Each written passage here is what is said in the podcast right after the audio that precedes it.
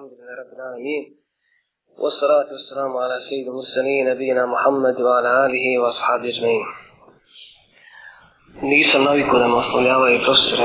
Skora, skora sam postao neki profesor. Najviše volim kad me zove Hafiz. Ja, to je najčastnije što, što nosim u sebi. E, mi smo se večeras okupili e, dragi poštovani slušalci, da, da progovorimo nešto o jednoj nesvakidašnjoj temi. Nesvakidašnjoj temi ako je pogledamo iz aspekta i prizme islama kako stoji o abortusu i kontracepciji, s tim što bi ja i dodao, ako se slažete, i još jednu temu kratku, sve tri su kratke, pokušavat ćemo što kratke, kraći da budemo. E, ovu treću bi e, naslovio kao sterilnost i liječenje od sterilnosti. Jedan također od velikih problema danas. E,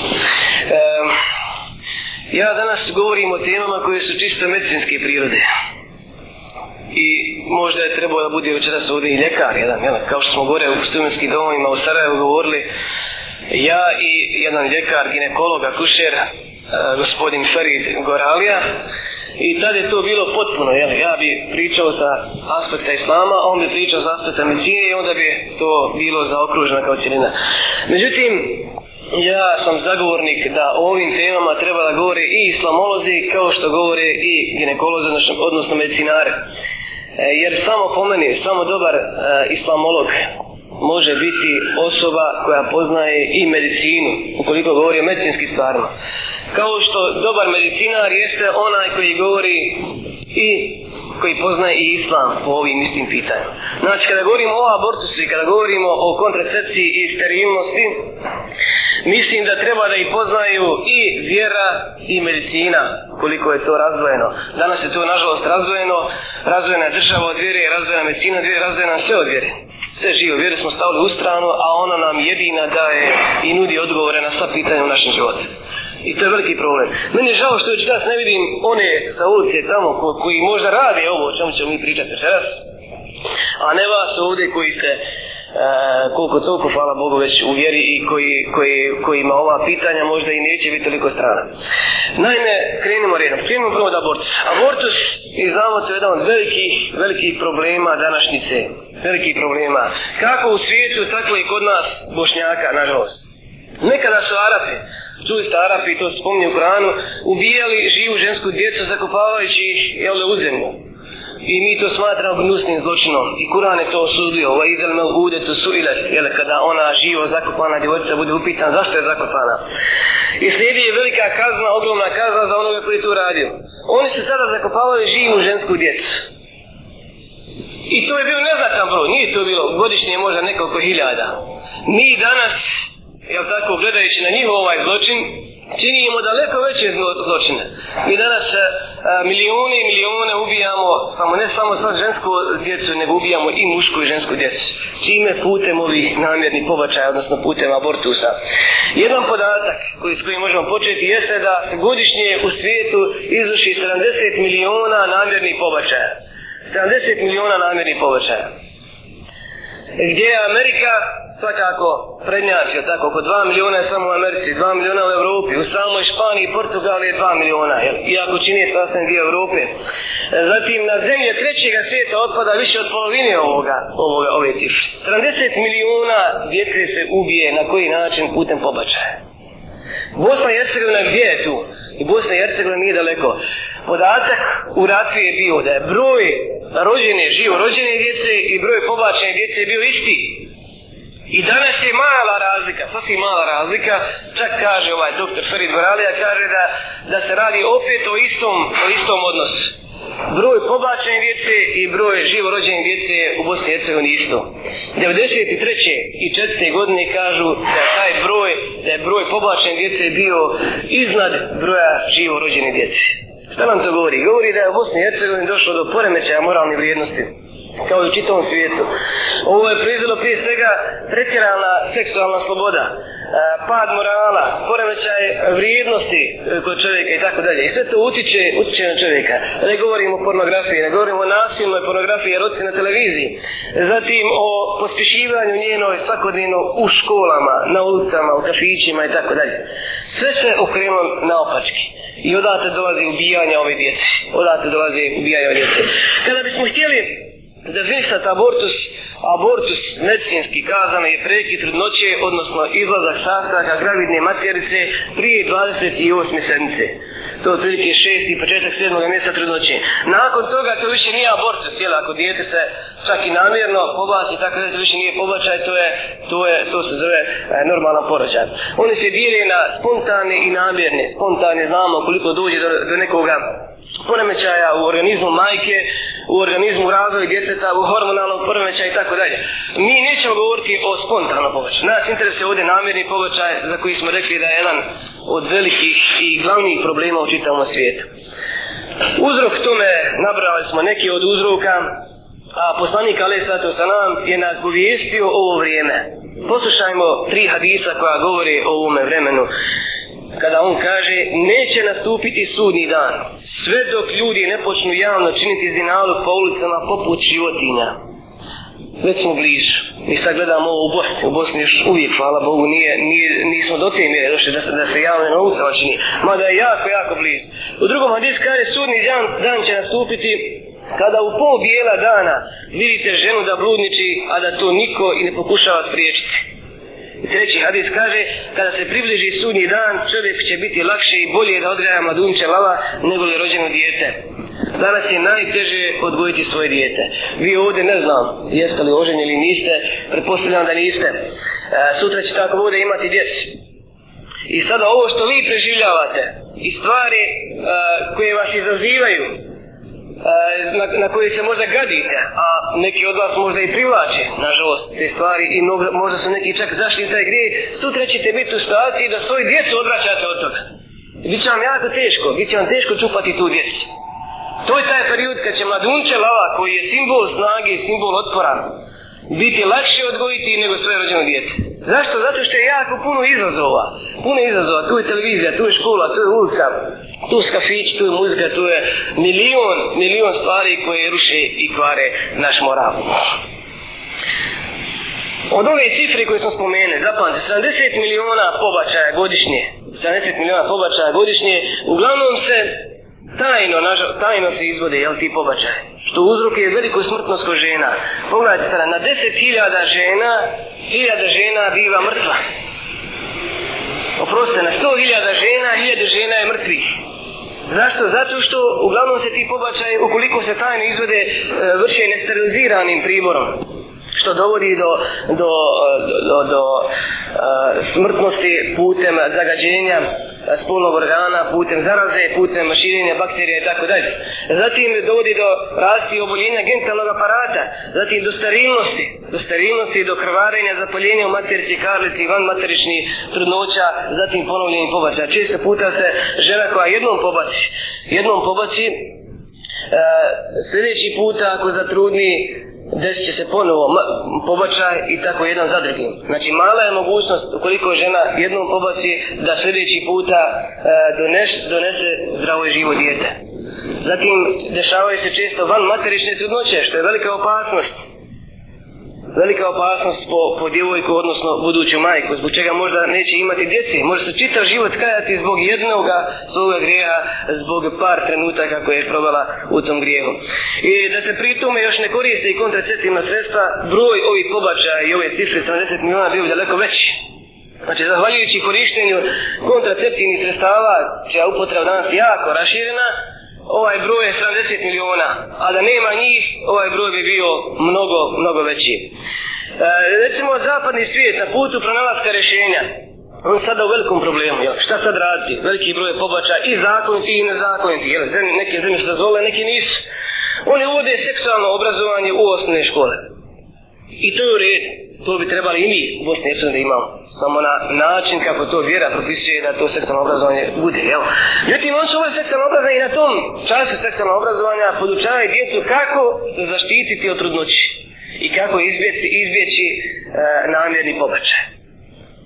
Znači, kako se zaštititi, kako upotrebiti kontraceptivna sredstva, koja su najbolja, najefikasnija i kako spriječiti onaj, začeće. Pogledajte, to je jedan paradoks, jel? E, umjesto da liječe, da liječe stvarni problem i da uče tu djecu kako, e, kako izbjeći spolni odnos prije, prije braka i kako ga izbjeći čak i u braku sa drugom osobom, e, oni uče djecu kako koristiti ova kontraceptivna sredstva, a ni u jednom trenutku ne govore o tome da se izbjegnu i sami ti spolni odnosi. E, nas ovdje nakon i medicinski podatak. Interes je staviti s vama po ovom pitanju. Odmah da kažemo, Islam cijeni čovjeka iznad svega.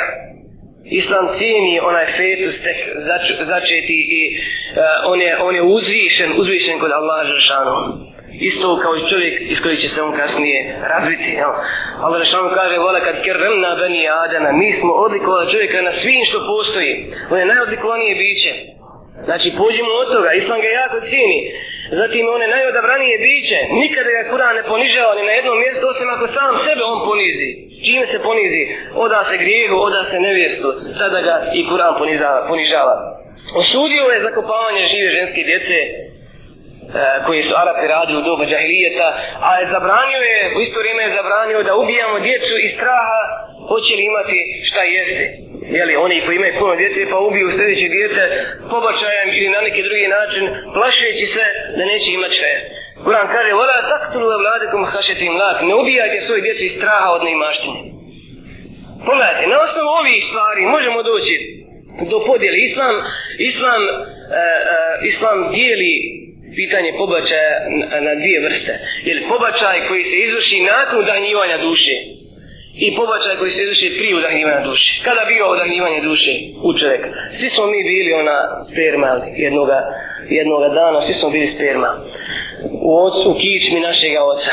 I ta sperma se spojila sa jajnom cilijom naše majke. Jel' tako?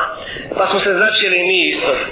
Pa smo živili jedan period kao biljke i onda nam je udahnuta duša od uzvišnjeg Allaha Ta duša koja je, koja i čini nas ljudima, čini nas ovim što jesmo, biva udahnuta u četvrtom mjesecu trudnoći. Majke koje su zatrudnjivale, znajte dobro, tada ona osjeća pokreti djeteta, ta djete kontroliše sve pokrete, do tada i nije kontrolsao. Znači, u četvrtom mjesecu bio udahnuta duša, tada je plod potpuno živ, tada je on već insan, i ja još uvijek nizaš. Svi islamski pravnici se slažu, znači stav islama je po tom pitanju, da je zabranjeno bilo kakvo nanošenje zla tom djetetu, odnosno vršenje pobačaja. Jer se to tada smatra ubistvom odrasle osobe. Znači na istom je nivou kao i ubistvo odrasle osobe u četvrtom mjesecu. Nažalost, mi gledamo svašta. Ona kada je pobasla u petom mjesecu, ona u četvrtom i pol, ona u četvrtom mjesecu, tako da je djete već potpuno živo. To je ubijstvo isto kao što je ubijstvo ubiti čovjeka u 20. godini i tako dalje. Jedino kada je dozvoljeno izvršiti pobačaj jeste ukoliko se, uh, ukoliko ljekar, povjerljiv ljekar utvrdi da ostanak ploda u utrobi majke će prouzrokovati smrt majke. Znači jedino u ovom slučaju je dozvoljeno pobačiti ako prijeti opasnost po život majke i ni u kom drugom slučaju. Nema slučaja kada bi bilo dozvoljeno e, e, ubiti majku radi djeteta. Ne postoji ni jedan slučaj. Neki ljekari kažu to je kada je kasna trudnoća koja dovodi do zatrovanja trudnoće. Kao tad bi trebalo majku ubiti da bi se spasio plod. Međutim, ni tada ne treba majku ubiti jer, jer može se izvršiti, izvršiti e, rani porođaj, jel?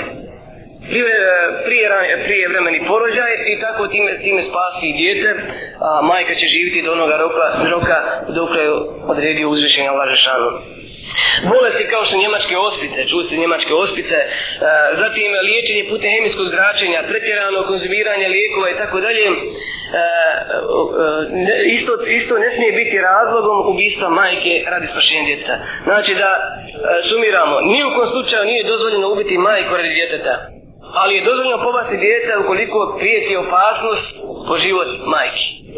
Neko će kazati, a malformisana djeca, za koju se utvrdi, evo, putem ultrazvuka, laparaskopa i drugih aparata, a, djete nema uha, djete nema oka, ono djete nema ruke, ne daj Bože nikom, tako? A, tu djece zovemo malformisanima, tako? Ukoliko se utvrdi, znači dok je još utrbi majke da je malformisana, da li i tada smijemo posjeriti za pobačaje. Da li smijemo pobasti dijete zato što bojimo se da će nam se roditi malformisano.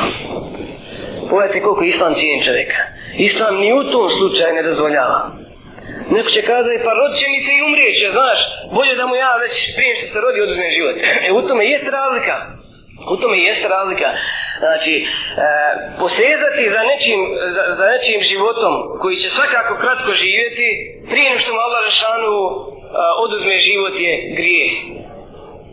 A ako dozvolimo prodi, malformisana 270% slučajeva umiru svakako, Allah je šalom mu odredio možda još mjesec, dva, godinu dana i tako dalje, da živi, pustimo ga ne živi taj određeni period i riješimo se tako. Jer ćemo protivno, ako mi oduzmemo život, biti krivi za još jedan život, biti krivi za ubistvo čovjeka. Znači, ni u tom slučaju. Neko kaže, dobra, silovane žene u toku rata. Vi znate, nažalost, da su mnogi naše majke, sestre, kćerke i tako dalje, silovane od strane četnika. Allah ih prokleli na ovom i na budućem svijetu. E, mi znamo da je to zločin, veliki zločin što su ga počinili i žalimo te majke, žao nam ih i tako dalje. E, međutim, Islam im ne dozvoljava ni u tom slučaju da pobače, iako su to četnička, četnička djeca. Ne smiju pobaciti ni tu djecu. Zašto? Zato što ono djete nije krivo za taj čin. Najmanje je ono krivo.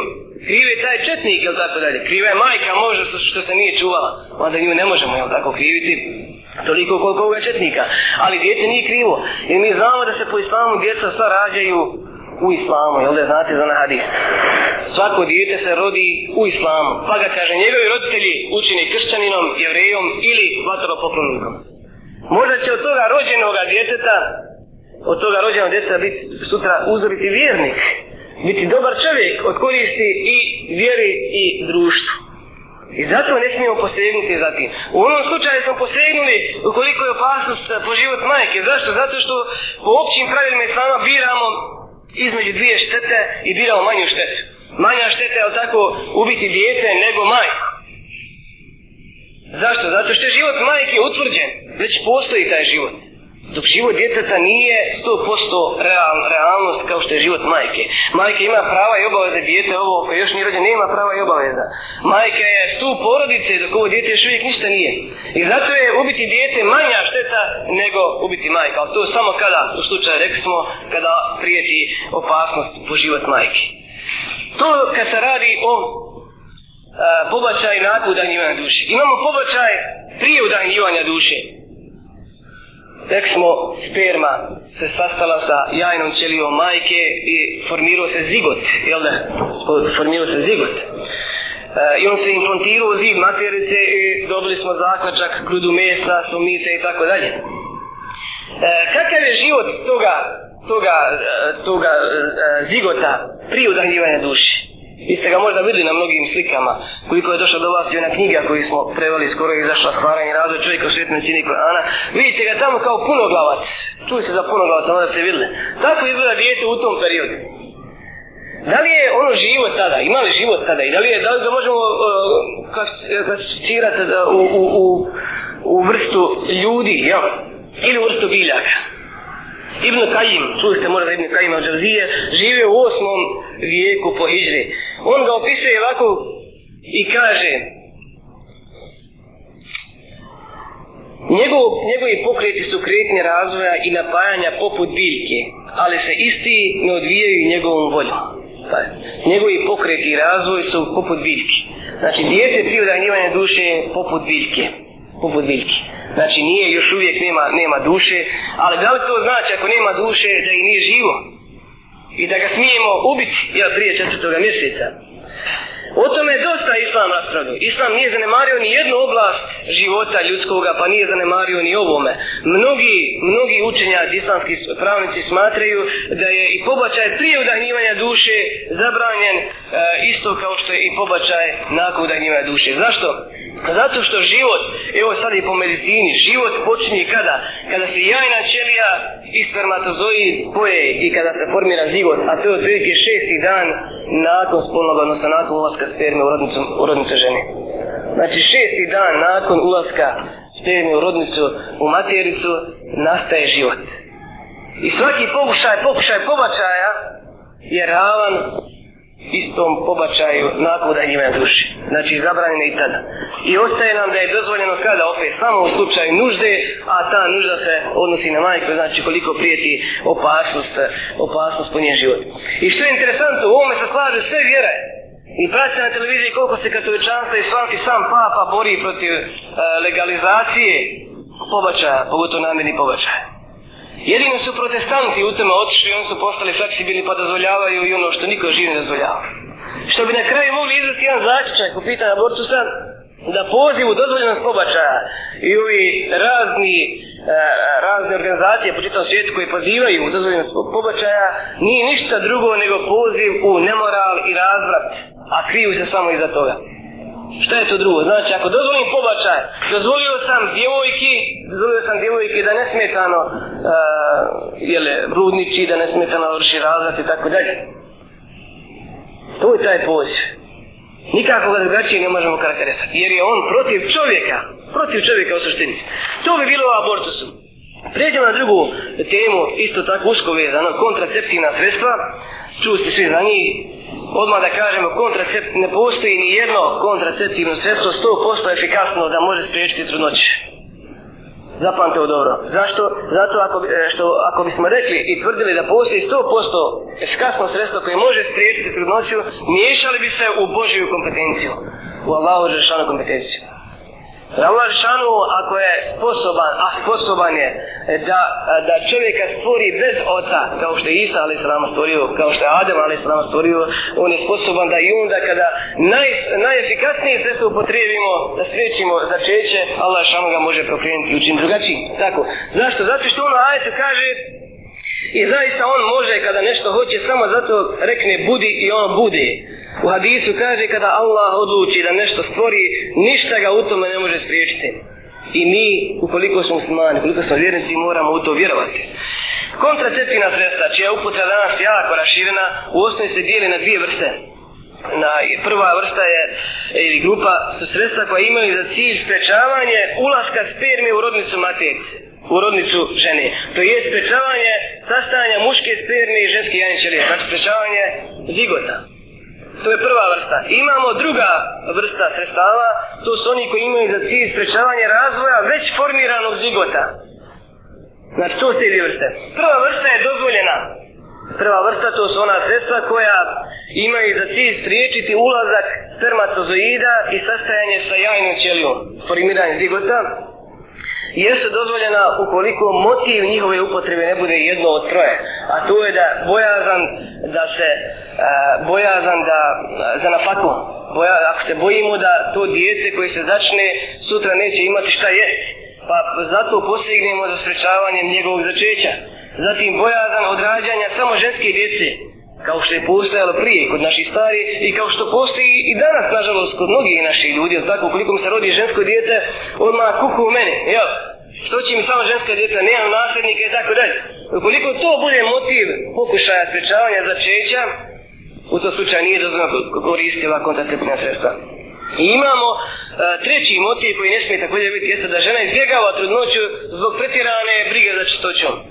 Pre, previše je, eto, ona čista, ona, ona se gadi na, na onaj porod, nju, nju se gadi nifa, cijelo, ono, poslije poroda i tako dalje, krvi od, e, i ostale stvari. Ukoliko je to bude motiv, pa pokuša spriječiti začeće, znači nije dozvoljeno. E, u ta sredstva, u ta dozvoljena sredstva, spada na prvom mjestu sprečavanje ulaska spermatozoida u grlić materice na jedan sljedeći način. To je putem e, spolnog odnosa izvan rodnice, zatim upotrebom e, dijafragme, upotrebom e, kondoma i drugih sličnih stvari. Drugo sredstvo također dozvoljeno po islamu, koliko im ovo nije motiv što smo nabrali, jeste planiranje kojitusa, znači planiranje spolnog odnosa, da bude neposredno pred menstruaciju i neposredno odmah posle menstruacije. Tako da se izbjegne uh, sredina, prilike između to menstrua, dvije menstruacije, 14. dan kada biva ovulacija, kada ženska jajna ćelija silazi iz jajnika, uh, da se izbjegne taj period. I to je e, dosta efikasno sredstvo a, za čeća, mada nije e, sprečavanje za čeća, mada ni ono nije 100% sigurno. Treće je sredstvo sprečavanja ili kontracepcije jeste dojenje. Po islamu majka doji koliko? Doji dvije godine, ali tako? U te dvije godine mala je mogućnost, ako doji redovno, da će zatrudnjeti.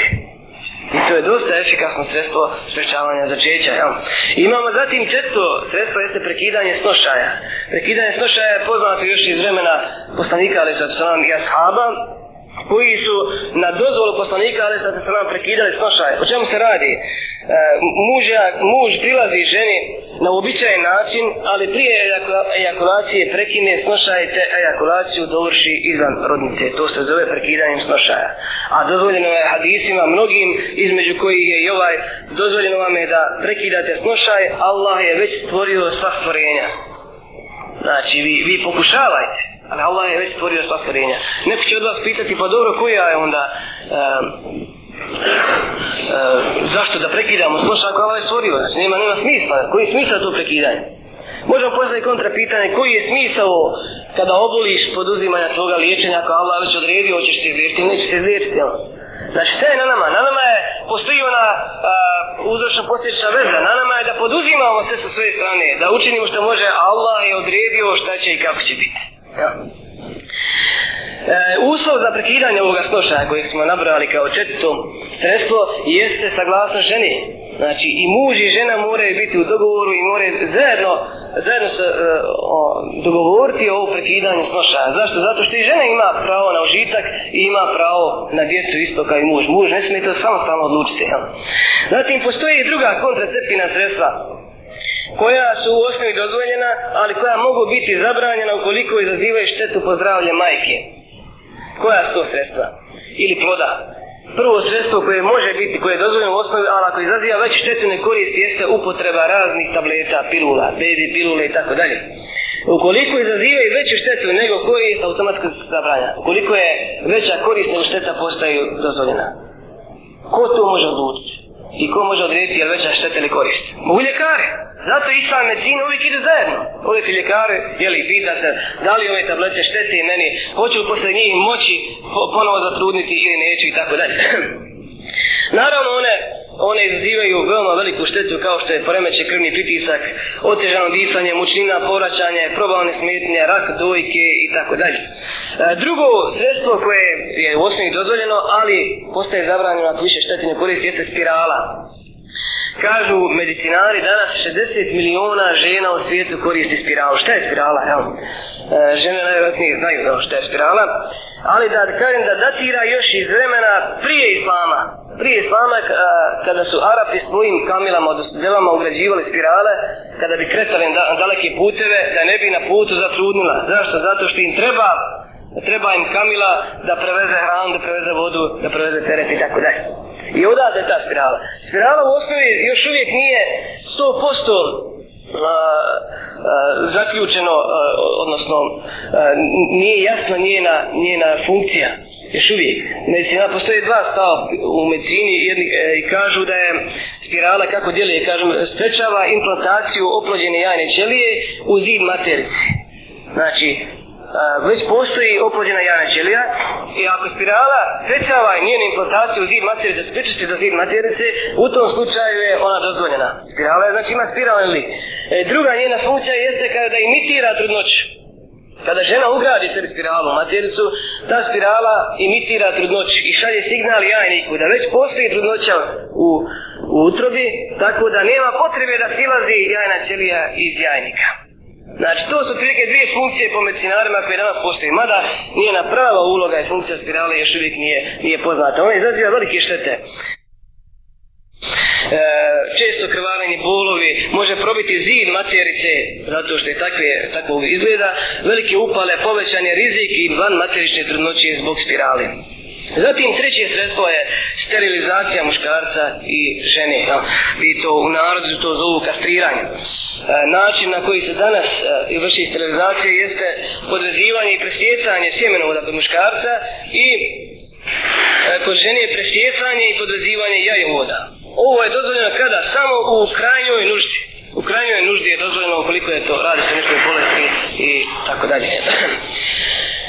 Otprilike imam onu drugu vrstu koja su sva sredstva koja imaju za cilj sprečavanje razvoja već oplođene jajne ćelije zigota. Znači već je drugi mjesec trudnoće recimo ili kraj prvog mjeseca, treći mjesec trudnoće. I sada mi e, ugrađujemo spiralu, ugrađujemo, e, pokušavamo primijeniti jedno dvije sredstava. Ukoliko u tim mjesecima to uradimo, to je zabranjeno i haram dijelo i da je islamska država slijedi kazna kao da smo ubili E, već rođenu bijebu i tako dalje. Znači imaju određene kazne, nije kazna ubistvom, nego se plaća krvna ošteta i tako dalje. E, zato Islam nudi rješenje. Islam je zato Čuli ste za planiranje porodice. Kažu kad je dozvoljeno planirati porodice, je li dozvoljeno islamu to ili nije dozvoljeno. Islam je dozvolio planiranje porodice u četiri slučaja. Znači, šta znači planirati porodice? Znači, pokušavati primjenjivanjem ovih kontraceptnih sestava, ograničiti broj djece koju želimo da imamo. I on je dozvolio ova četiri slučaja. Bojazan, koliko se radi o bojazni za život i zdravlje žene koje mogu ugroziti trudnoće ili porođaj. I to nakon konstatacije povjerljivog liječnika. Zatim, koliko se radi od bojazni od zapadanja u kritično stanje koje bi moglo navesti čovjeka e, da počinje grijeh prema vjeri. Naprimjer, e, čovjek je poznat kao osoba spona u bistvu ili krać.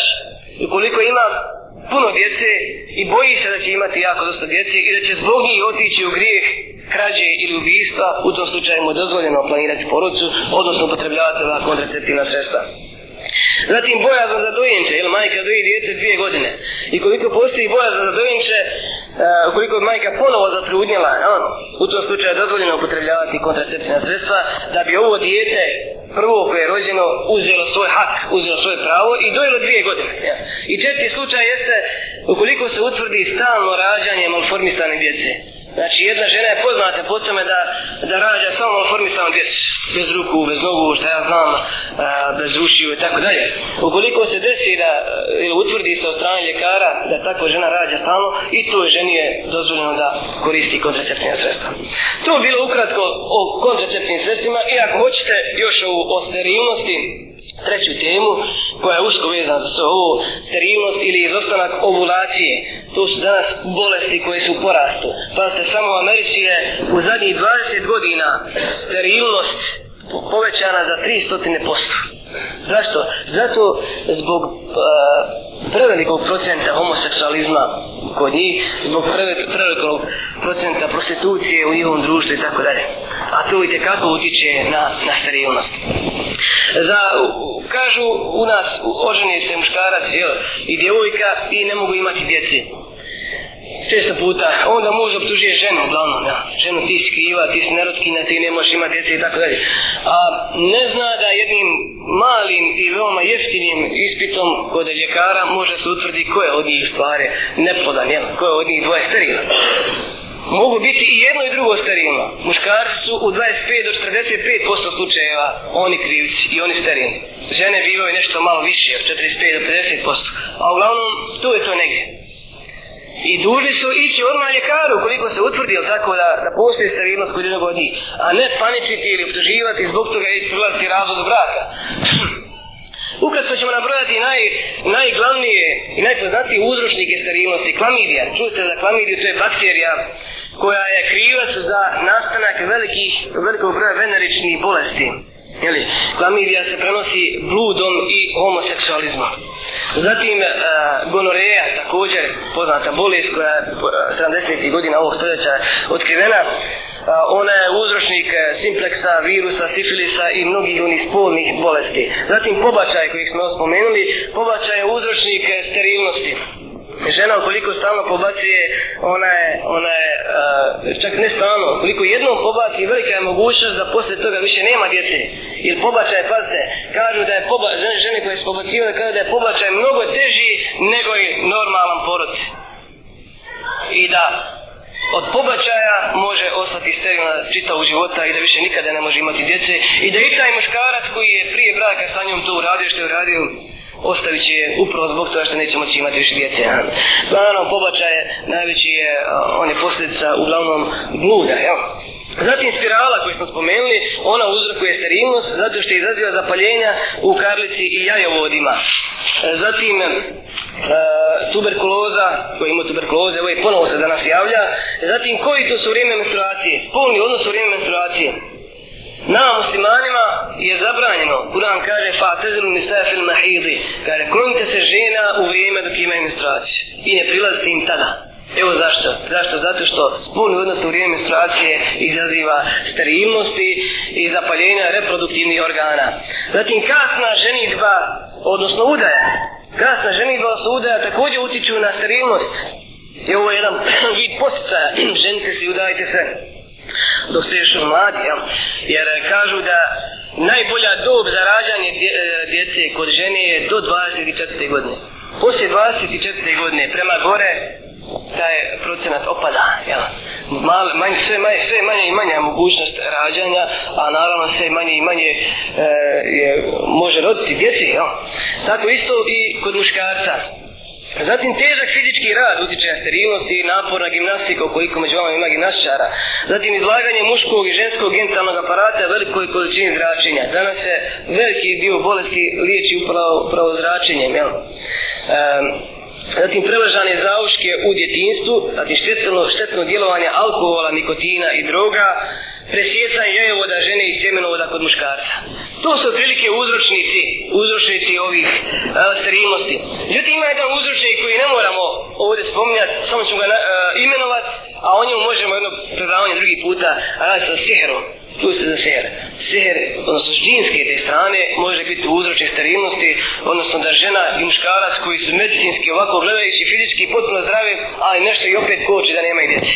Može biti sihr o kojem, ko hoćete, možemo drugi puta govoriti. E sada, kako ćemo liječiti tu neplodnost? Neplodnost se liječi liječenjem njenih uzroka, jel?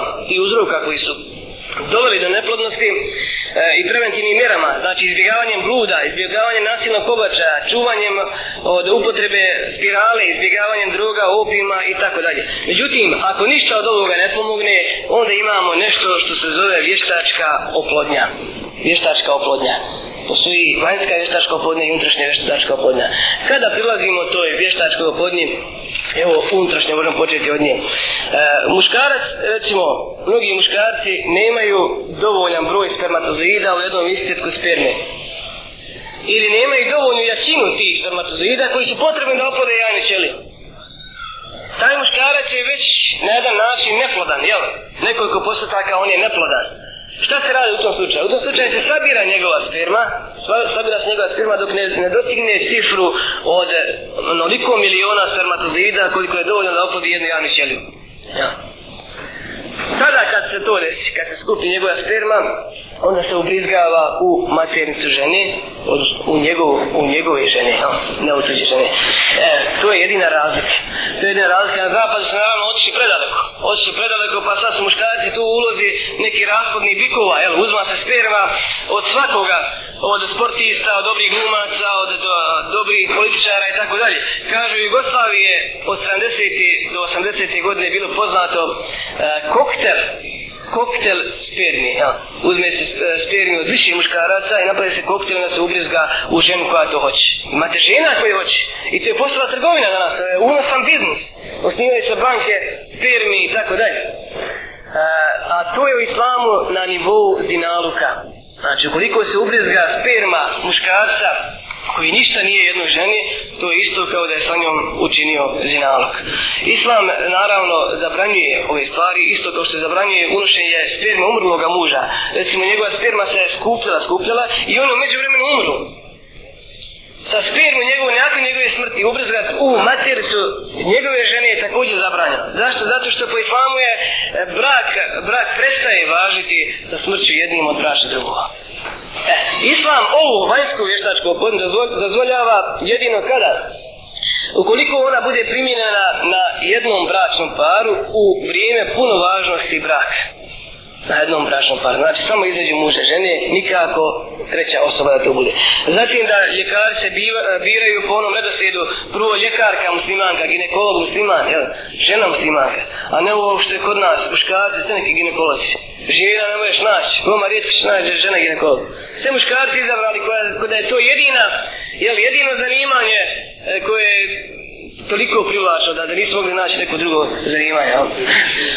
Zatim, koliko nema Ukoliko nema žene e, ljekarke muslimanke, onda ide redosledom ovim, ide žena ljekarka, znači ginekolog kršćanka, a ukoliko nema takve, onda musliman ginekolog, a ukoliko nema tako, onda tek dolazi kršćanin ginekolog. Ja. Znači, uglavnom prvo žene imaju tu u tom slučaju prednost, zato što se to radi o ženskom genitalnom aparatu najčešće. Islam također zabranjuje čuvanje sperme i osnivanje banki sperme. Vi ste čuli za banku krvi, jel? Ja banke krvi ovo formirali kod nas i pri svim bolca to ima. Isto tako danas imamo i banke spermi gdje se skuplja i sperme, tako ima dobrovoljno, ima uz novac, protu, protu uslugu i tako dalje.